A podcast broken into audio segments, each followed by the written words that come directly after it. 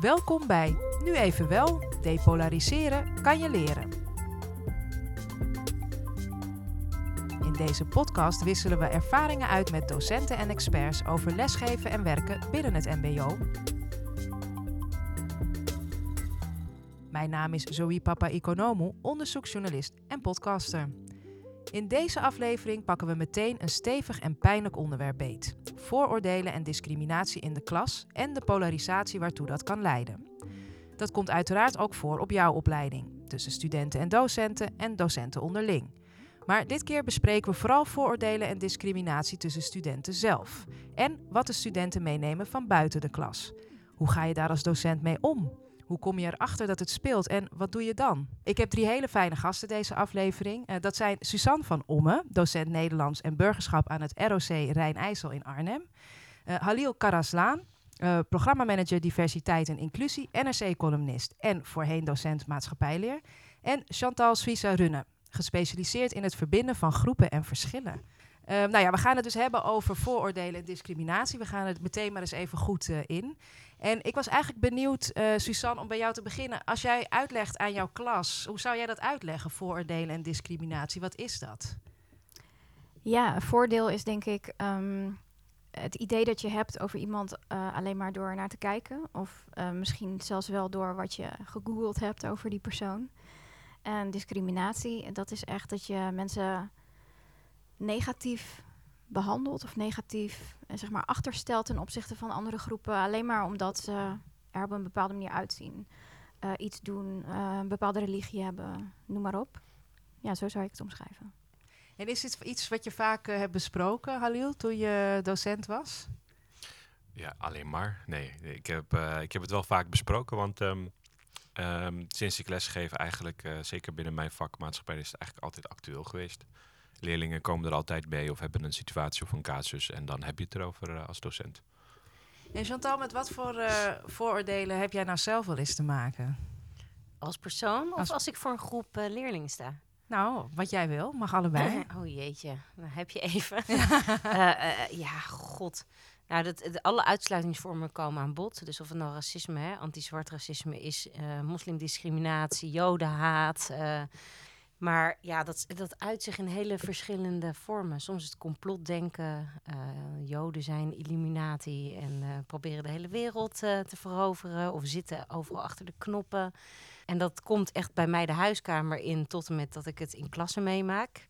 Dus dan komt de politie aan je deur en zij ongeluk aan het verkeerde adres. Want er was ingebroken bij de buren, maar daar hing ook zo'n Joods kokertje. En misschien was dat dan wel niet zo verstandig, want dan wisten mensen dat er wat te halen viel. Terwijl ik denk, mijn hele huis is Ikea, ik kom maar binnen, want er is niks te halen. maar weet je, het is gewoon het idee, Joden dus rijk. Uh, komt heel veel voor. Ja, en wat ik ook meemaak is de meest verschrikkelijke ideeën die mensen hebben over vluchtelingen, over migranten. Uh, alles komt voorbij. dat homoseksualiteit een ziekte is, dat... Um, ja, dat uh, alle, alle vluchtelingen eigenlijk gelukzoekers zijn. Die hier onze meisjes komen verkrachten en onze banen komen afpikken. Alles komt voorbij. Nou, we gaan, straks ook, een, ja, we gaan straks ook een aantal voorbeelden van jullie bespreken. Die gaan we echt even helemaal doornemen. Uh, om daar ook van te leren. Hoe hebben jullie dat aangepakt? Maar eerst Suzanne, als we, als, we, als we het hebben over vooroordelen of discriminatie. Wat heb jij zelf, uh, heb jij daar zelf wel eens iets in meegemaakt? En hoe ging dat dan? Nou, ik ben blank en hoog opgeleid. Dus uh, ik heb misschien minder daarmee te maken dan anderen, maar ik ben wel een vrouw. En um, ja, of het nou stereotypering is of echt vooroordelen, maar je wordt gewoon anders behandeld dan mannen. Voorbeeld? Ja, ik, ik ken bijvoorbeeld geen enkele vrouw, uh, waaronder ik zelf, die nog nooit seksueel geïntimideerd is tijdens het uitgaan bijvoorbeeld. Ja, dat vind ik wel een probleem. Um, het feit dat we nog steeds minder verdienen. Uh, dat ik uh, 36 ben en altijd de vraag krijg over kinderen. Terwijl vrienden van dezelfde leeftijd dat niet hebben. Maar um, bijvoorbeeld ook als je docent bent. Um, ik ga nog wel eens naar een feestje. En als je daar dan een student tegenkomt. Hey, Hey. Docenten kunnen ook een leuk leven hebben of ja. uitgaan. Of en ik, ik, zit ook in de gemeenteraad en ik weet nog dat ik een keer uitging en dat ik uh, een ambtenaar tegenkwam en ik, wat doe jij nou hier? En zei, ik ben ook gewoon een mens. dacht ik, oh shit, ja, natuurlijk. En ja. jij, Halil, wat zijn de dingen die jij hebt meegemaakt? Um, Zucht. Ja, Ja, zucht. zucht in de zin van, ik, ik, ik, omdat ik ook als persoon heel erg bewust van ben dat ik me ook heel veel dingen aantrek die niet direct op mij gericht zijn als persoon. Ehm, maar wat ik als persoon meest recente waar ik moeite mee had, was, of nog steeds eigenlijk moeite mee heb, is dat is mijn ervaring, is dat als ik als persoon van kleur ergens een mening over heb, of als moslim ergens een mening over heb, over bijvoorbeeld Nederland en over hoe we dingen hier doen en of hoe het zou moeten, of binnen ons onderwijs, dan word ik heel snel ehm, weggezet als eh, niet van ons of niet van de dominante groep. En dat ik vooral kritiek heb bij wijze van om het soort van zwart te willen maken of wat dan ook. In plaats van oprecht wat met mijn kritiek te doen. Eh, toen ik bijvoorbeeld eh, schreef een tijdje voor een blad binnen, eh, binnen, een, binnen een hogeschool. En op het moment dat ik bijvoorbeeld een keer kritisch was op een panel die de uitval met in dit geval, de uitval van in dit geval Marokkaanse, Nederlands-Marokkaanse jongens, die, waren, die is heel hoog bij een bepaalde opleiding. En ik bekritiseerde die panel omdat eh, vier van de vijf eigenlijk zeiden... het ligt aan deze jongens, het ligt aan hun motivatie, het ligt aan hun achtergrond. De ene die ging zelfs zover, die zei ja, het ligt aan hun cognitie. Een soort van DNA-verhaal een klein beetje. Wow. En toen ik zei, eigenlijk stelde ik de vraag... waarom stelt niemand binnen deze panel of dit panel de vraag... eh, wat kunnen wij anders doen als instelling, als docent? Dus eh, naar mijn idee een hele professionele vraag. Van nou, doe ik iets verkeerd? En de conclusie kan ook nee zijn, maar stel die vraag. Ja. Nou, en, de reacties waren meteen, ehm, ja, dat zegt hij natuurlijk, want hij is zelf van Turkse komaf en hij neemt het natuurlijk op voor deze groep. Dus het gaat niet zozeer over wat ik zeg, maar het gaat over wie ik ben. Nou, en dat maakt dat je je altijd bewust bent dat je, nou, tot op bepaalde hoogte voel ik dat mijn vrijheid daardoor beperkt wordt eh, om te kunnen zeggen en te zijn wie ik wil. En, en veel jongeren die ik nu spreek, die kennen eigenlijk alleen de na 9-11 periode. En die, die kennen alleen de periode dat islam bijvoorbeeld altijd geproblematiseerd is in Nederland. En zij vinden dat wel heel lastig, want zij worden eigenlijk altijd gerekend tot een groep en diens mening, terwijl ze zich daar zelf nooit echt over uiten. En zijn er soms van bewust dat ze zich moeten verantwoorden of eh, uitleg moeten geven over dingen waar ze zelf misschien niet eens over hebben nagedacht. Dus dat gebeurt soms ook in de klas. Dat, eh, dat we de actualiteiten bespreken en dat misschien een leerling onschuldig, maar in die zin wel confronteerd wordt. Zegt van ja, wat vind jij daar nou van? Specifiek naar een moslimleerling vraagt. Precies. Wat vind ja. jij hiervan? Ehm, en, en, en dat soort vragen, net zoals bepaalde opmerkingen maken, hoe goed ze ook bedoeld zijn, want het is niet altijd negatief bedoeld of uitsluitend bedoeld, maar er zijn kleine herinneringen constant dat jij blijkbaar geen onderdeel bent van die norm. Nou, en dit soort uitsluitingsmechanismen die zijn gewoon aanwezig. En ik denk dat het bespreekbaar maken ervan en, en, en Ja, juist dat in de vind ik- klas vind dat het dat, eigenlijk dat, meteen dat wel werkt. interessant. Ja. Want wat kan je hier eh, als docent in de klas? Dit is dus een reali- Ja. realiteit. Dat is voor de do- veel docenten weten dat natuurlijk waarschijnlijk ook. Maar voor als je daar nog niet heel bewust van bent, denk ik dat je dat heel goed hebt uitgelegd. Hoe er dus van je gevraagd wordt je de hele tijd over iets collectiefs uitspreken waar Ja. jij je niet misschien per se onderdeel van voelt. Je wordt heel erg aangesproken op groepsgedrag. Ehm, hoe kan je daar binnen een klas dan eh, mee omgaan als zoiets tussen leerlingen gebeurt, bijvoorbeeld? Nou, laat ik beginnen. Ik weet niet of die vraag trouwens voor mij eh, Ja, nee, ga jij als eerste zou ik en dan. eh, Oké. Maar laat ik beginnen met als je het niet weet.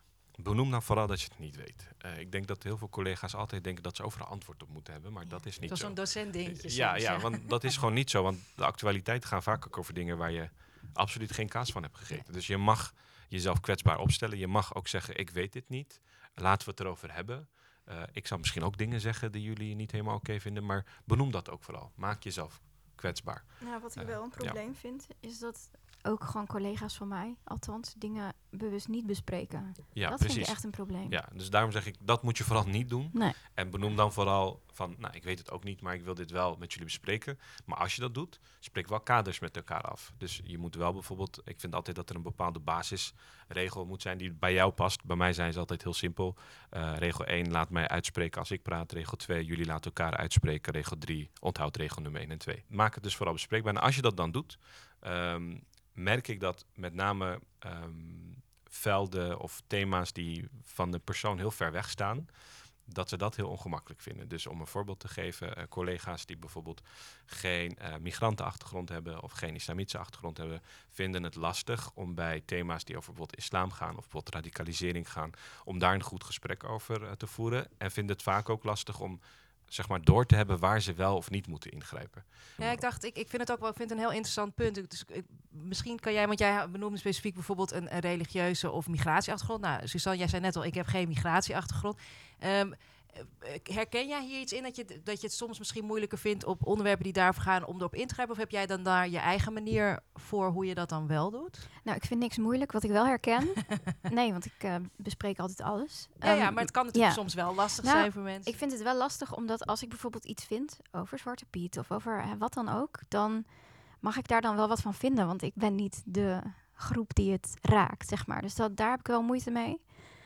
Ehm, en soms vind ik het ook best moeilijk om mijn eigen mening eh hè, erbuiten te houden. Of dan vragen ze daar specifiek om. Ja, wat vindt u nou eigenlijk zelf?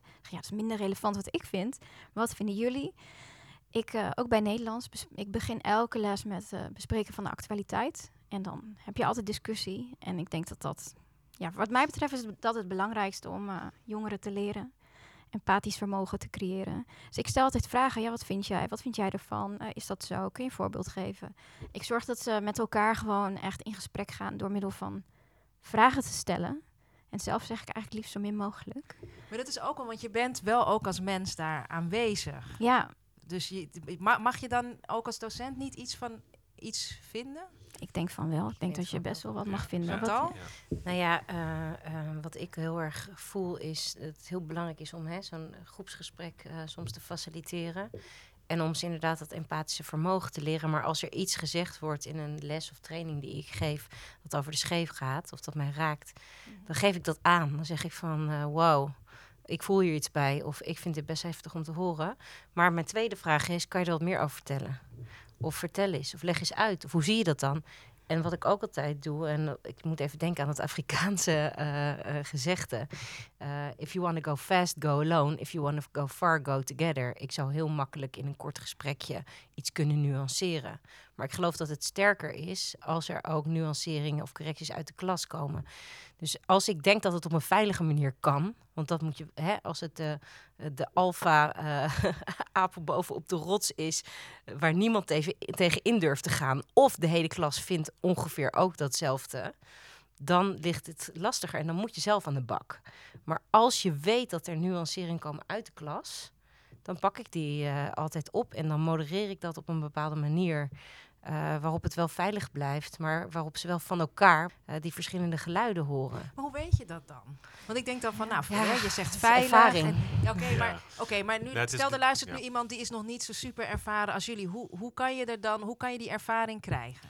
Nou, eh, heel plat gezegd door gewoon op je bek te gaan. Ja, je ja, moet het gewoon ja. vaak Dat- proberen. dat Maar dat mag dus wel. Ja, tuurlijk mag dat. Ja, ik bedoel, ik- we zijn, we zijn Ja. gewoon mensen en, en mensen mogen fouten maken en daar leer je van. Mensen moeten niet zo bang zijn hè, om eh, door ehm, bepaalde politici te worden weggezet als linkse meningen of dit en dat. Ja, ik heb ook een mening. Ik ga die niet opdringen. Ik zeg, dit vind ik, maar wat vind jij eigenlijk? En waar is dat op gebaseerd? Voorbeeldje.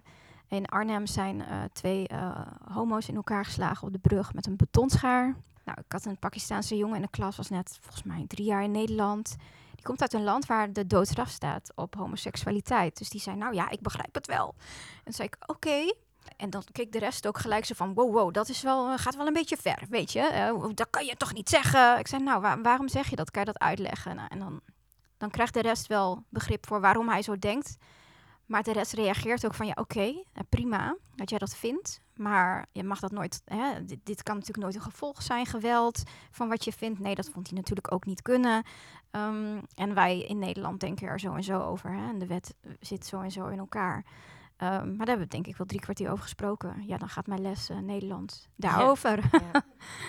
Maar ja. je moet iedereen wel aan het woord laten. Ook al is het iets waar je, het- wat je natuurlijk totaal afkeurt. Maar dat kun je ook zeggen. Oké, ik keur dit af. Dit kan natuurlijk echt niet. Hier gaat het anders. Maar ik snap dat jij vanuit jouw eh, moederland daar... Ja. Maar als je docent zegt, ik, ik keur dit af. Je hebt als docent natuurlijk ook een machtspositie. Ja. Je kan iets begrijpen, je kan iets, ehm, je kan begrip tonen zonder iets te begrijpen. Dus je kan begrip tonen voor waar een, eh, een idee vandaan komt zonder het goed te keuren. Ja. Precies. Ja. En dat is hè, wat ik met dat effectief nuanceren, die methodiek eh, doe, is eigenlijk altijd gewoon uitvragen. En terwijl ik, ik dat doe, of ik modereer dus een gesprek in de klas, probeer ik altijd te kijken wat is nou de beste nuancering. En dat hangt zo ontzettend van het onderwerp af. Soms is dat storytelling, soms is dat gewoon iets wat je zelf hebt meegemaakt. Dat is iets wat de, wat de leerlingen in mijn ervaring eigenlijk altijd het meeste raakt. En wat ik ook altijd doe is, als ik zoiets ga doen, en dan heb ik al eerst goed uitgevraagd, dan ga ik het eerst primen. Klinkt misschien een beetje suf, maar dan ga ik eerst zeggen: Oké, ik heb goed geluisterd naar waar jij, hè, waar je vandaan komt met je verhaal en wat jij erbij voelt. Eh, en dat vat ik samen, want anders dan gaat diegene zich honderd keer herhalen. En dan zeg ik: Oké, dit allemaal gehoord hebbende, vind je het oké dat ik je nu vertel hoe ik hier naar kijk? Of, hè, of dat ik je een verhaal vertel? En dat klinkt misschien heel erg gek en, en wollig, maar als je dat doet, dan weet diegene: Oké, er komt nu een ander geluid. En dan voelt het niet alsof je iemand met jouw mening even zeg Dat maar, tegen de grond mapt. Ja. En dan is iemand vaak veel opener om te luisteren. Vind je dat oké? Het is een soort van toestemming vragen, maar ze zeggen nooit nee. En dan vertel je dat. En dan rond je het eigenlijk af van, joh, eh, wat vind je hier nou van? Dan praat je nog even en zeg ik altijd, nou, ik vind het in ieder geval tof dat we het erover hebben kunnen hebben. Want anders krijgt niet de inhoud aandacht, maar de relatie of het feit dat jij even iets anders hebt verteld. Dus als je wil dat de inhoud aandacht krijgt, dan moet je de relatie achteraf nog even bij wijze van een strik eromheen doen. Ja, en, en, en het gaat Ja. ook om de inhoud. Kijk, Ja. ik denk dat het, het, het doel moet zijn, ten alle tijden, van, van met name lessen burgerschap of maatschappijleer of vakken die daaraan raken, ehm, dat leerlingen zich veilig voelen om hun geluid te kunnen ventileren. En dat is ook soms een niet wenselijk geluid, of een althans sociaal wenselijk geluid. Ehm, maar juist wanneer leerlingen dat ventileren, weet je wat er speelt. En Ja, dan ja, kun je er precies. naar handelen. Kijk, op het moment dat je leerling het idee geeft van dat soort dingen mogen niet gezegd worden of dat wil ik niet in mijn klas, wil niet zeggen dat het niet bestaat. Nee. Dus, dus dan kunnen we wel lekker doorgaan met hoofdstuk 2 en doen alsof de wereld heel rooskleurig is en allemaal geen helemaal geen problemen zijn. Maar dat is niet de realiteit. En als het goed is, moeten ze juist tijdens het burgerschap leren dat ze, eh, ondanks dat ongemak, met elkaar kunnen samenleven. En ondanks dat ongemak juist zeggen, of juist dankzij eigenlijk zou je moeten kunnen zeggen, eh, weten elkaar te vinden. Of weten van oké, op dat punt zijn we misschien eh, totaal verschillend. Maar ik kan op dit punt heel goed met diegene samenwerken. Of Ja. op dit punt zijn we het politiek oneens. Maar we, we staan wel met elkaar zij aan zij als het bijvoorbeeld gaat over vrouwenrechten. I don't know. En wat wel heel belangrijk is om te benoemen, ik denk, en dat, dat komt misschien wel met een stukje ervaring. Op een gegeven moment her- herken je een aantal patronen. Ja. Kijk, vaak zeggen met name leerlingen, en, en vooral ook op het MBO, ehm, niet om te generaliseren, maar daar, daar zit vaak ook een emotionele laag op omdat ze dat niet altijd met de juiste woorden kunnen verwoorden. Dan is dat soms emotie in de zin van, dat komt soms ook wel eens agressief over. Dus dan is het belangrijk dat je als docent eerst bezig bent, eh, bij wijze van met het, met het schillen van de buitenste laag van die ui. Dat je, dat je de pijn eerst eh, ziet, hoort en erkent. Ja. En dan pas kun je het hebben over een rationeel eh, gesprek. Ja. Dus op het moment dat een leerling zegt bijvoorbeeld... ja, maar meneer, elke keer als eh Marokkanen iets slechts doen... dan zijn we Marokkaans. En als we iets goeds doen, dan zijn we Nederland. Als Ibrahim Afellay bij Barcelona speelt... dan is het de zoveelste Nederlander die daar naartoe is gegaan. Maar toen hij naar Panathinaikos ging, was het een Marokkaan. En Badr Hari, Ja. nou, noem maar op. Al die voorbeelden. En op het moment dat ik dan dingen ga zeggen als... ja, waar baseer je dat op? Welk artikel kun je me dan laten zien? En dan maak ik het debat kwijt, helemaal dood. Ja. Terwijl ik eigenlijk dingen hoor te vragen als... Waarom zeg je dit eigenlijk? Wat heb je zelf meegemaakt? Waar komt dit vandaan? Wil je iets met me delen? En dan komt er iets. En dan kan ik vervolgens zeggen, hey, is best wel interessant wat je zegt. Zullen we de komende twee, drie weken artikelen naast elkaar houden? Zullen we dat vergelijken? Klopt het wel wat je zegt? Zullen we daar onderzoek naar doen? En dan maak je het educatief, dan maak je het Ja. interessant. Mooi. En dus dat, dat ontleden is heel belangrijk. Hetzelfde gebeurt met complottheorieën. Vaak zijn complottheorieën een middel om jezelf te pacificeren. Dus je zegt eigenlijk, ik kan niks verbeteren aan de wereld. Want de Illuminati die heeft alles onder controle. Dus ik hoef niks te doen, want alles wat ik ga doen heeft, Heeft toch geen nut. Want deze mensen beheersen dit. Dus op het moment dat ik zeg, oké, hartstikke leuk dat ze week van CNN en al die NOS. Maar wat kun je in je eigen wijk veranderen dan? Dan, dan maak ik hem klein. Dan gaat het weer over die persoon. En dus je moet daarin, en dat is een stukje ervaring wellicht, maar dat, is, dat valt ook te trainen. Ja. Ehm, en en, en dat, dat, daar, dat leer je vooral eigenlijk door op je bek te gaan. Ben nog wel even nieuwsgierig. Hebben jullie zelf als een voordeel gehad? Nou, dat kan bijna niet anders, want we zijn allemaal mensen. Of Nee, eh, ik niet. iemand... Ik heb ze nooit. Ik, eh, nee, nee, behalve Halil. nee, maar wie, eh, eh, kunnen jullie iets herinneren, een voorbeeld dat jullie dachten, misschien bij een, een leerling eh, bij, of bij een student, waarvan je dacht, oh, ik dacht meteen dit en dat is echt totaal niet waar. Suzanne, duik Nou, nu naar de microfoon. Ja, ja, ja. Ehm, nou, ik heb over deze vraag nagedacht. Ik vind het best wel lastig. Want natuurlijk, iedereen denkt in hokjes. Zo zitten onze geesten in elkaar. Is ook niet erg als je daar maar bewust van bent, denk ik. Maar ik geef natuurlijk ook Nederlands. En dan ehm, zit je toch vaak met de taalachterstand waar je heel erg op focust. En als er dan een student is die net een aantal jaar vanuit Syrië in Nederland is, dan denk ik uiteraard, oh, nou, dat zal wel wat lastiger gaan. En dan blijkt dat heel goed te gaan. En ook wat jij zegt, je hebt het over gedrag net. ehm, en kwetsbaarheid en erkenning. Je, je maakt binnen volgens mij een aantal seconden eh, al een soort van afweging. Goh, hoe zit diegene in elkaar? En ehm, je, moet daar, eh, je moet dat proberen om dat ja, een beetje om daar doorheen te prikken door gedrag. Dus echt hè, die grote bekken die je dan... eh daar moet je echt doorheen kijken, doorheen prikken. En eh, dus natuurlijk heb je voordelen. Maar om nou te zeggen specifiek... Ik vind hem best Nee, wel ik- lastig, Ik, ja. dit al heel... eh, Chantal, heel helder, dankjewel. Eh, God, ja, natuurlijk heb ik voordelen. Iedereen heeft voordelen. Ehm, nou, ik had laatst een, eh, een Palestijnse meisje in, eh, in een klas. En dan gaan er bij mij allemaal radertjes, want die vindt vast van alles omdat ik Joods ben en Israël en dit en dat. En dan gaat alles wel, net zoals het denk ik bij iedereen gewoon gebeurt. Bleek later dat dat meisje vooral geïnteresseerd was in hele andere dingen. Over, zeg maar, Jodendom. want Daar ging die, ging die, eh, dat ontmoetingsproject over daten en zo. En eten en eh, tradities. En, en we hebben het ook wel over Palestijns-Israëlisch conflict gehad. Omdat er was een andere jongen die het daar heel graag over wil hebben. En ik wist dat zij dan half Palestijns was. En ik had allerlei dingen verteld ook over hè, eh, eh, hoe, wat het betekent om onderdeel... of eigenlijk een van de ja, leide- leiders te zijn van de Joodse gemeenschap. En dan toch, weet je, elke keer dat conflict erbij. En eh, hoe je dan, dan toe verhoudt en hoe je erop aangesproken wordt. Maar ook gewoon mooie, warme verhalen van Palestijnse vrienden die ik zelf heb. Dat ze dat dan niet verwachten en verhalen over het land. En, nou, en achteraf kwam ze naar me toe en zei, ik vond het zo leuk, ik vond het zo leuk. En ik ben zo benieuwd, ik ga echt meer uitvragen over mijn traditie. Ik zeg, weet je waar je eigenlijk precies vandaan komt? Nee, maar ik ga meteen met mijn vader praten. En ze was helemaal geëngageerd en lief. En terwijl ik dacht, oh jee, ik moet mijn schap zetten bij wijze van, hoe stom is dat? Zo'n schatje en weet je, helemaal... Dus toen dacht ik, god, ben je toch ook een idioot over mezelf? Weet je wat Halil net zegt over die jongens... eh, eh, die iets roepen omdat ze zelf pijn hebben en dan alles op complotten afschuiven. Of boos zijn dat ze niet gezien worden. Of altijd als Marokkaan gezien worden wanneer het slecht gaat. En eh, als Nederlander wanneer het goed gaat. En ik herken dat heel erg. Ik vind het nog veel moeilijker als mensen dat over andere groepen doen. Dus dat iemand zegt dat dat is allemaal de schuld van de vluchtelingen. Of dat is allemaal de schuld van de Polen. En dat het dus niet een vluchteling die dat zegt, maar wit, autochtoon kind of omgekeerd of iemand. Dat vind ik eigenlijk nog pijnlijker. En dan moet je bijna nog harder werken. Want dan kan ik niet zeggen, ja, maar wat kan je in jouw omgeving verbeteren? Dan moet ik eigenlijk zoeken naar de behoeften en de pijn onder die uitspraak. En dan kom je dus soms, in dit geval bijvoorbeeld bij een jongen die een hekel had aan Polen, want zijn vader zei dat alle Polen slecht waren. En als je dat dan afbelt, die ui, kom je erachter dat die vader al twee jaar werkloos thuis zit, omdat hij in de bouw werkt Ja, en niet meer aan de bak komt, want de Polen, tussen aanhalingstekens, hebben het in zijn ogen dan overgenomen. Maar dat heeft dan direct effect op hoe hij kijkt naar dat andere Poolse jongetje uit zijn klas.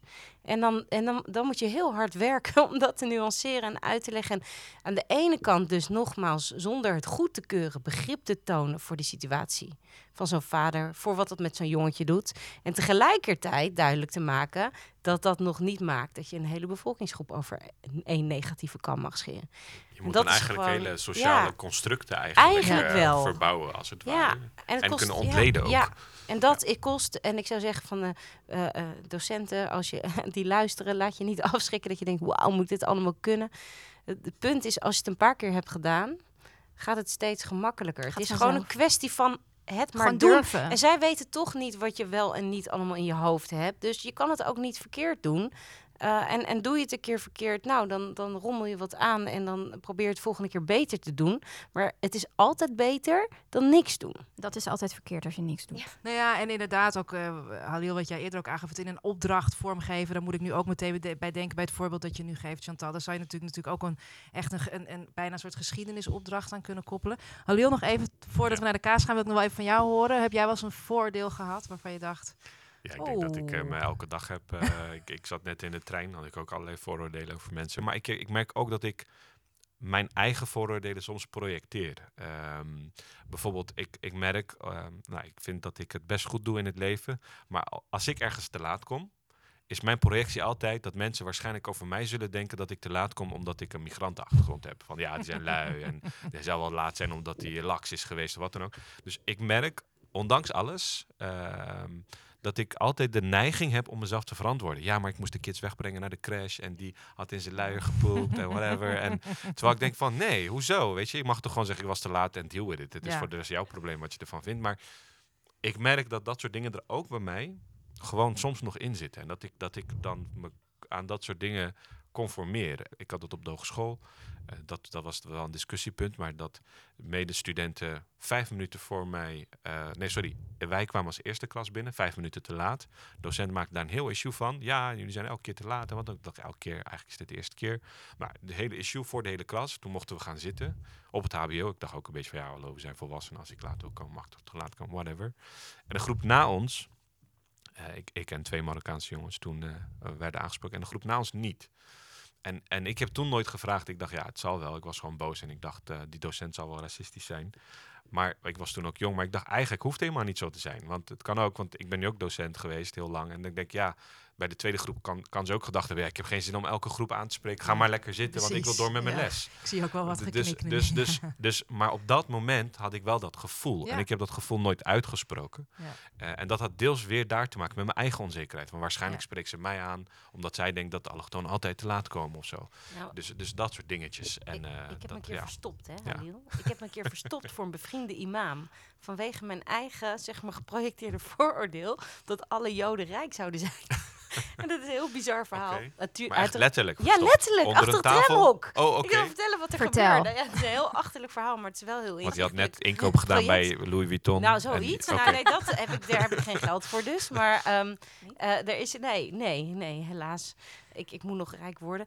Eh, maar het idee dat Joden rijk en vermogend zijn... dat heb ik zo ontzettend vaak teruggehoord. Terwijl niemand zegt, oh, dat is echt een rijke moslim. Ik sta hier echt Als van het te gaat- kijken. Over de, Ik weet niet wat ik hoor, echt waar niet. de sheik Ja. van Brunei of zo. Niemand zegt, dat is echt een rijke moslim. Nee. Bill Gates zegt, zo, dat is echt een rijke christen. Zegt helemaal niemand. Nee. Maar een Jood die is goed, echt een rijke Jood. Ja. Dus ik, en het stomme is dat ik dat zo heb geïnternaliseerd, dat ik stond bij het tramhokje.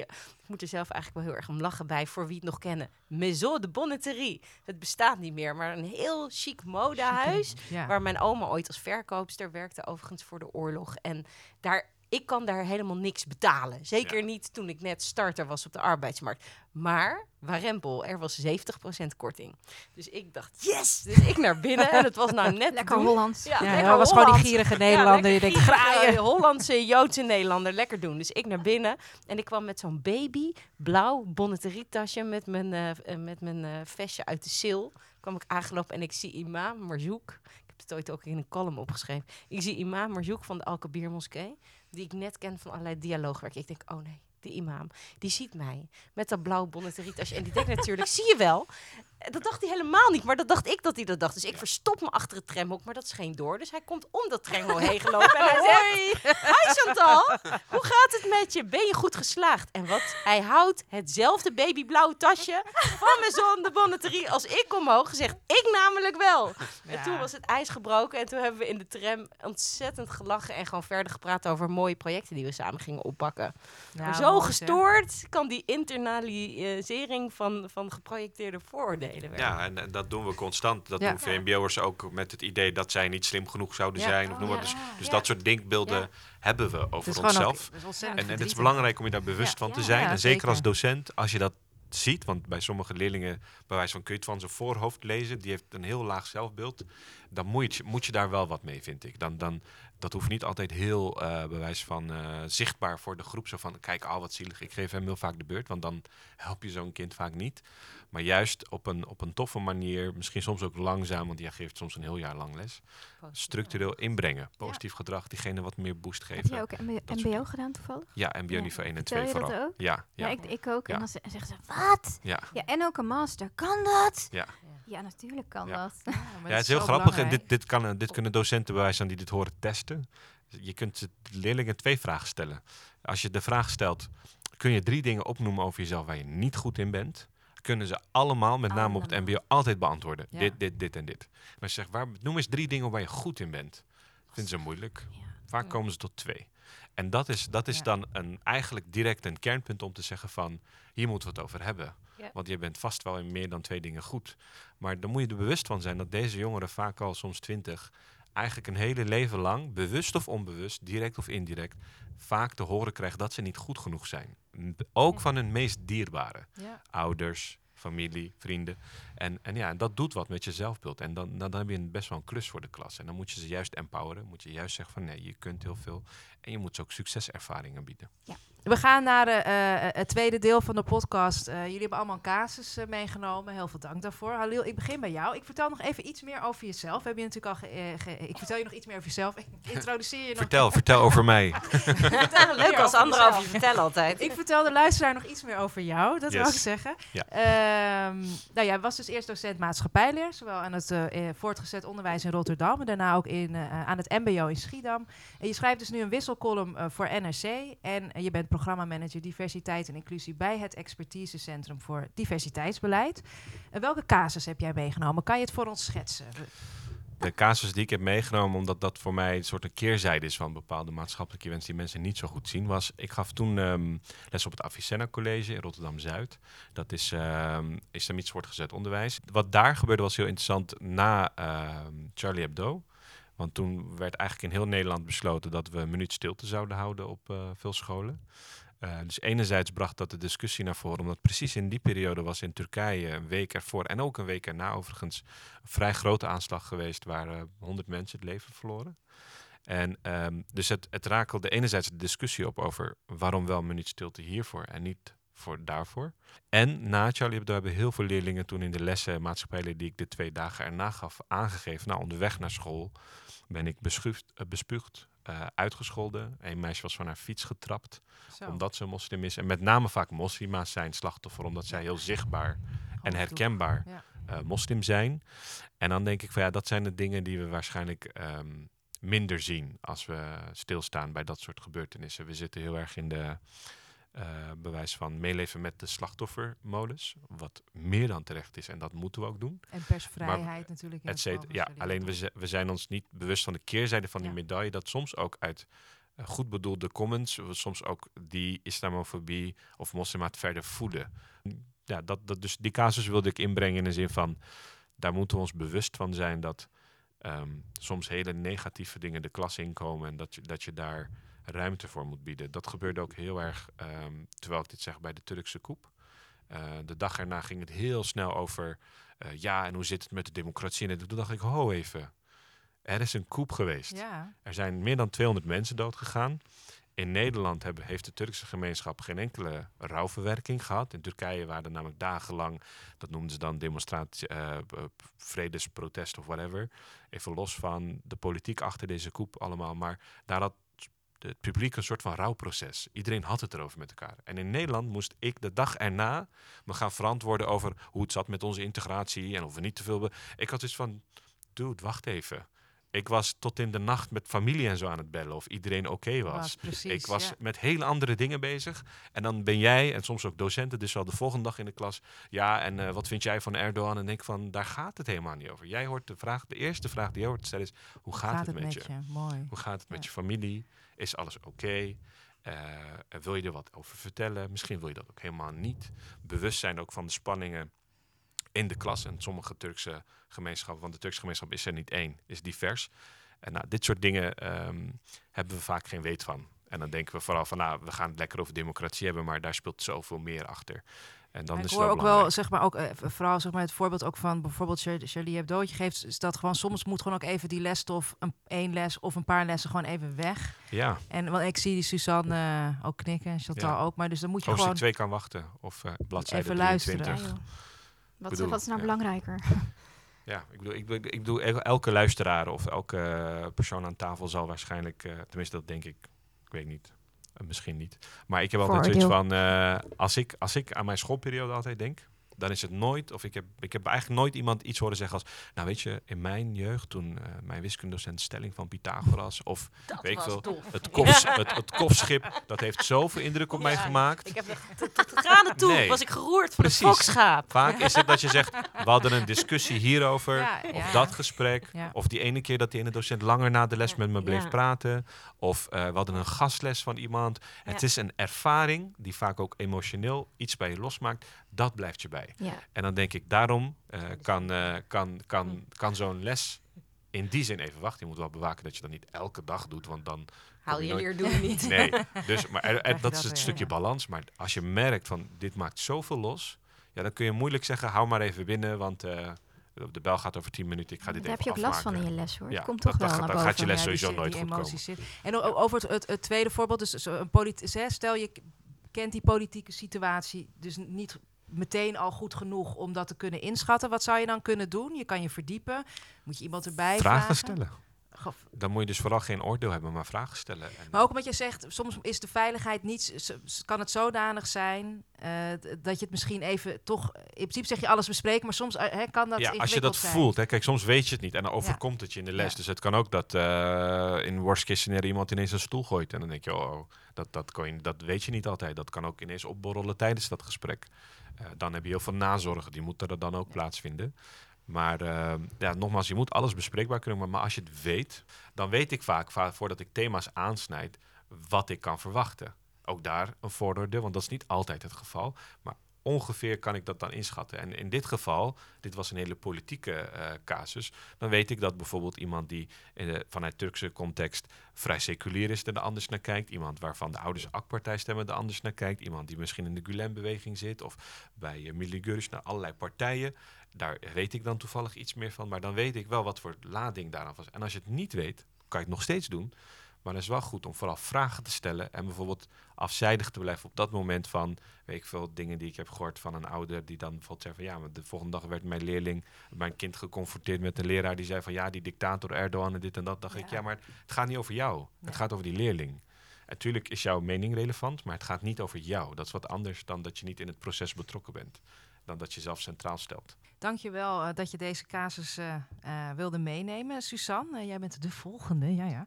Eh, jij bent dus eh, docent Nederlands en burgerschap eh, aan het ROC Rijn-IJssel in Arnhem. En je doet ook de opleiding N2, NT2 nu, heb ik begrepen. Ja, klopt. En, eh, en je bent gemeenteraadslid voor D66. Is toch leuk om te weten. Ja, Ehm, ook leuk om te doen. Nou, dat is gelukkig. Ja, Eh, wat, wat voor casus heb jij meegenomen voor ons vandaag? Kan je een situatie schetsen? ik- ik, ben eh, door de gemeente, zeg maar eh, via de gemeenteraad, werd ik uitgenodigd voor een toneelvoorstelling. Die eigenlijk voor leerlingen, VMBO en MBO-studenten was. En ik was zo onder de indruk dat ik dacht, die moeten we op school hebben. Het is een voorstelling Leef van Theater aan Zet.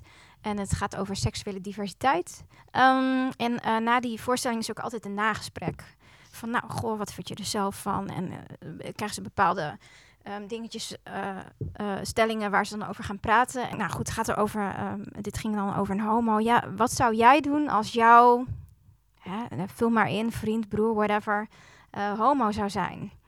En ehm, nou, één student die begint gewoon meteen, ja, ik zou met hem naar Duisburg gaan, naar de hoeren. En anders zou ik hem gewoon, zou ik hem eruit slaan. En iedereen zo, wow. Ja. Het was echt heel heftig, want eh, je stel je voor, je zit met ehm 100 mensen, zeg maar, in zo'n 80 mensen, 100 mensen in zo'n zaal. En opeens begint iemand, iedereen probeert echt wel. Tuurlijk zijn er mensen die dit denken. Hij roept het Hij-. Ja. Bam! En Ja. iedereen zo, wow, what the fuck, doe even normaal, dit kan je echt niet zeggen. En de groep die probeerde het ook te corrigeren. En die gespreksleider zei, nou, het doet me wel echt wat dat je dit zegt. Ik voel me best wel een beetje onveilig nu.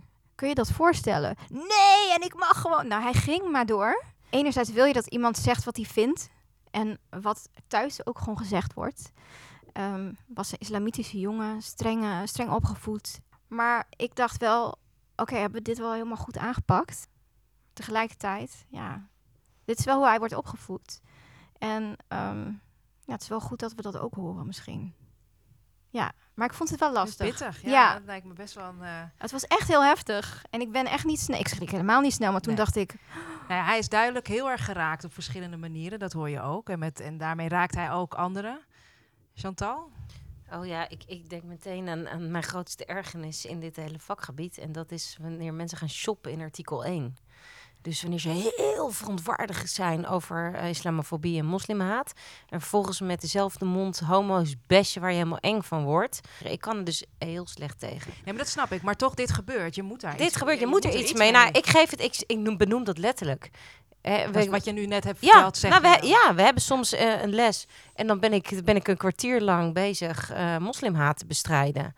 En, en empathie daarvoor te eh, bereiken en te, eh, te, ja, te laten inzien in een klas wat dat met je doet als je voor je, om je identiteit wordt weggezet. En dan, dan is het ergste wat me ongeveer kan ge- gebeuren, dan, dat, en dat is ook gebeurd, dat een, eh, in dit geval een mbo-student, dan tegen een zwarte jongen in de klas roept, gewoon bij de koffie, hey lelijke neger, ga aan de kant. En niet op een manier dat die jongen dat leuk vond. En denk ik, ik ben net een kwartier bezig met bescherming aan jou te, te, te bewerkstelligen hier en veiligheid. En dan roep je dit. Weet je, ik vind dat ja, heel eerlijk en dan zeg ik daar ook wat van.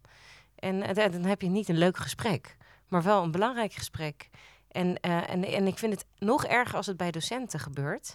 Ja. Ik heb een keer een stelling gedaan bij een training effectief nuanceren. We hadden heel veel stellingen. Ze zeiden de meest vreselijke dingen die ze hoorden in de klas. Hè. Dus iemand hoorde in de klas dat alle vluchtelingen dood moesten. Iemand hoorde in de klas dat er in Auschwitz nog zat ruimte was voor al die vluchtelingen. Je kan niet zo gek bedenken wat je aan ellende hoort. Homoseksualiteit en ziekte. En bij alle uitsluitingsopmerkingen ging ze staan bij dit vinden we heel erg grensoverschrijdend. Maar bij de Joden zijn de oorzaak van alle de- ellende vonden ze het minder grensoverschrijdend. En eentje vond het helemaal niet grensoverschrijdend. Want die zei, ja, maar ja, dat vind ik ook gewoon. Moet je kijken wat ze doen in Palestina, dit en dat.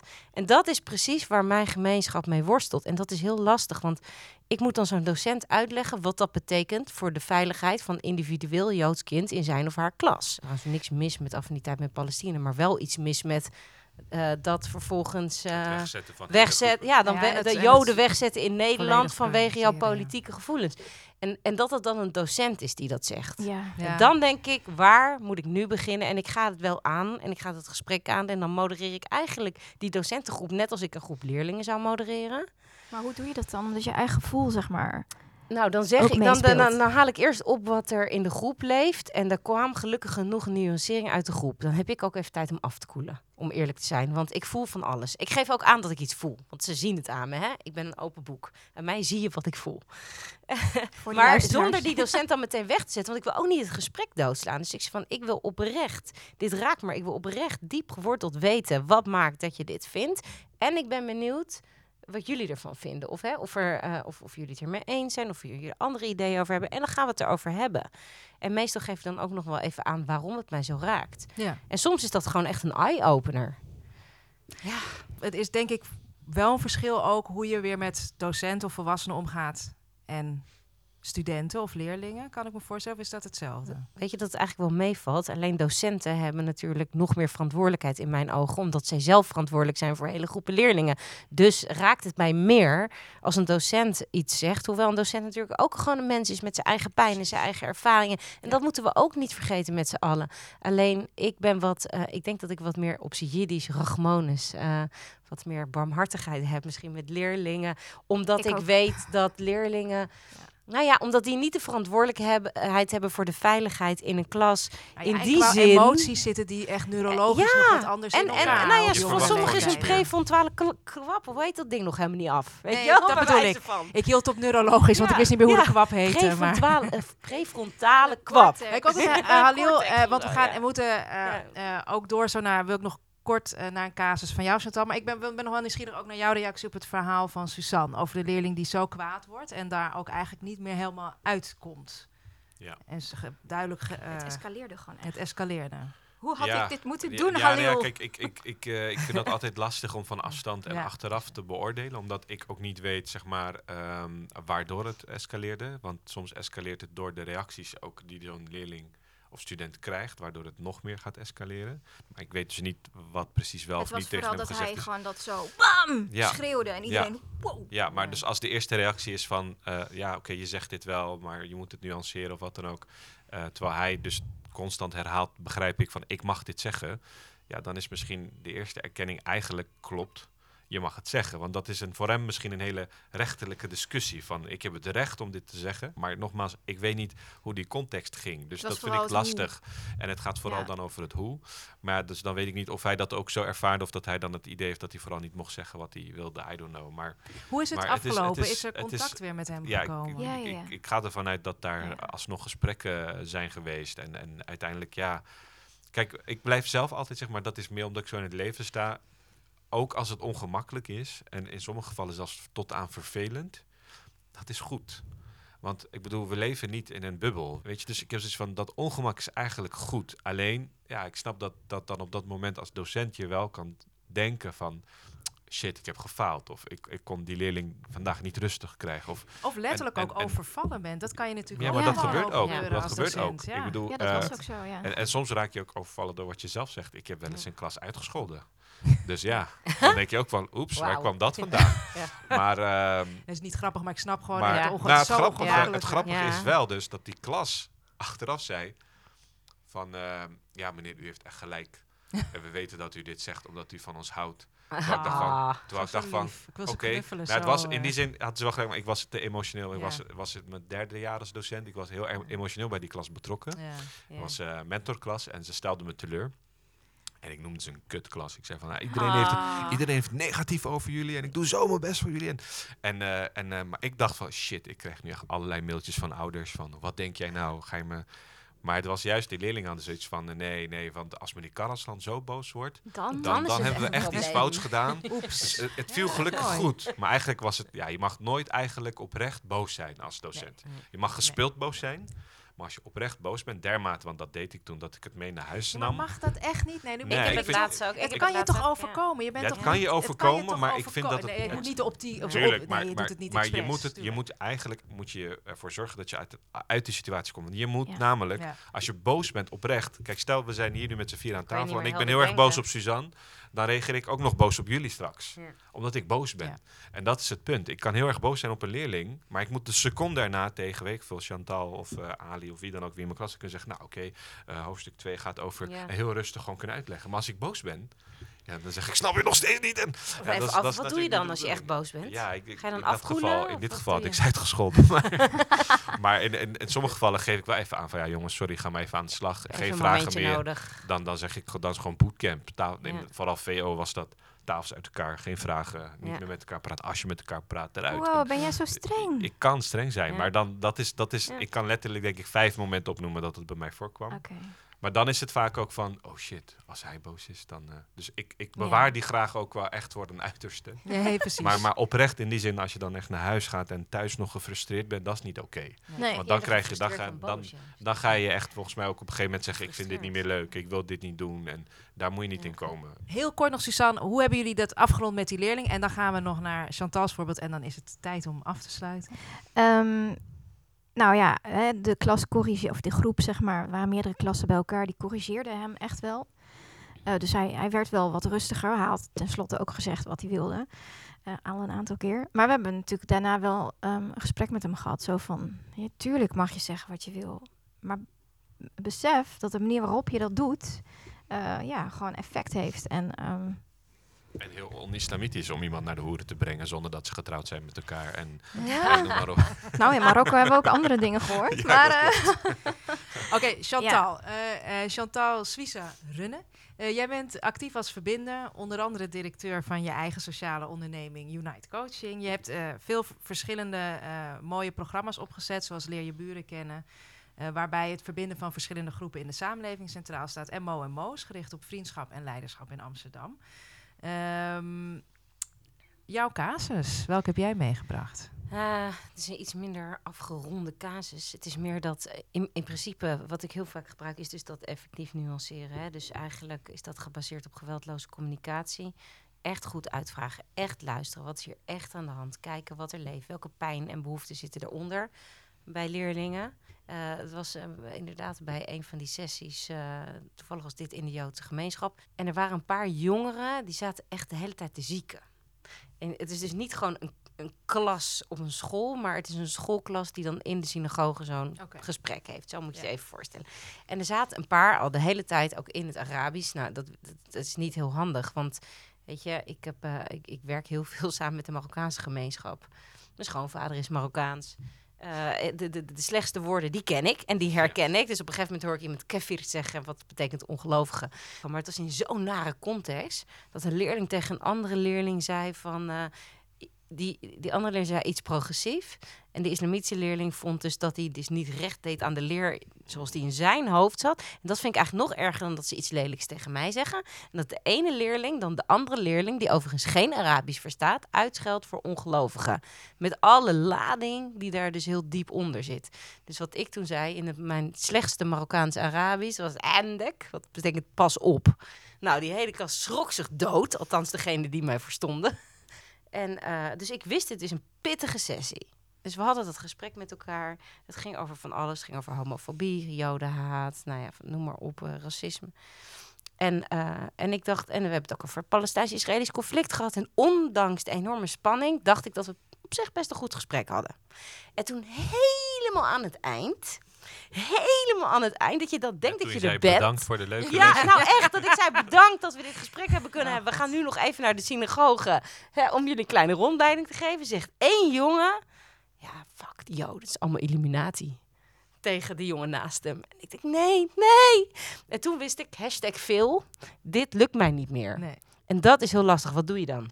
Nou, in zo'n geval eh, heb ik meestal even een kort nagesprekje met de docent van... joh, er leeft, leven allerlei complottheorieën, in ieder geval bij één iemand in jouw klas. En misschien is het handig om daar aandacht aan te besteden. Maar bij mij zat die frustratie zo diep, want ik heb, ben best wel behendig in het, het goed uitvragen... en het ter discussie eh, stellen van complottheorieën. Maar klaarblijkelijk kwam hij niet eerder in dat gesprek op. En omdat ik niet hun klassendocent ben, die ze elke week ziet en dit in de laatste 30 seconden kwam, kon ik er niets meer mee. Nee, dat kan. En dat is dan heel frustrerend. Dat kan dus ook gebeuren. Dus kan zeggen, is allemaal roziger en maneschijn en het werkt allemaal fantastisch. Maar soms gebeurt dit. Herkenbaar? Ja, ja kijk, eh, kijk, als het binnen een school gebeurt, kun je nog zeggen: dit is mijn klas. Of dit is een klas die Ja, ik nog een keer ga zien. Of blijf maar even zitten. Maar in zo'n geval, zeker als je zelf een soort gastdocent bent, in het, dan, dan Ja. is het lastig. Dan is het, heb je gewoon geen tijd. Je Wat zou jij- want- Ja. nou, wat, wat ik lastig vond is Ja. die jongen, eh, de docent. ehm, eh, ik wil niet te veel van weggeven. Ik zit even te denken, hm, hoe herkenbaar is dit dan voor? Maar de docent die zei, eh, ja, de jongens zijn een beetje onrustig. Maar ik had niet het gevoel dat die docent nou heel comfortabel was met het bespreekbaar maken van dit soort zaken. Nou, ik zou zeggen, Suzanne, Laat ik het zo stel, zeggen. eh, jij was met die klas, of, of Halil, zo- zeg maar, toen je nog docent was. Stel, je was daar, zeg maar, met je vaste klas en dit gebeurt. Wat zouden jullie doen? Ik zou het... eh, ja, kijk, op dat moment, pick your battles. Je kan niet alles winnen. Eh, en je hoeft ook helemaal niet alles. En, maar Nee. ik zou als docent dat... Maar ik ben zo'n soort docent. Maar ik heb ook docenten die in mijn team die daar echt heel anders over denken. Ehm, die dat liever niet doen. Maar ik zou het de volgende les bespreken. Of meteen even bespreken als de ruimte daarvoor is. Absoluut. Ik zou dat niet eh, laten. Nee, nou, ik vind ook niet dat je het moet laten.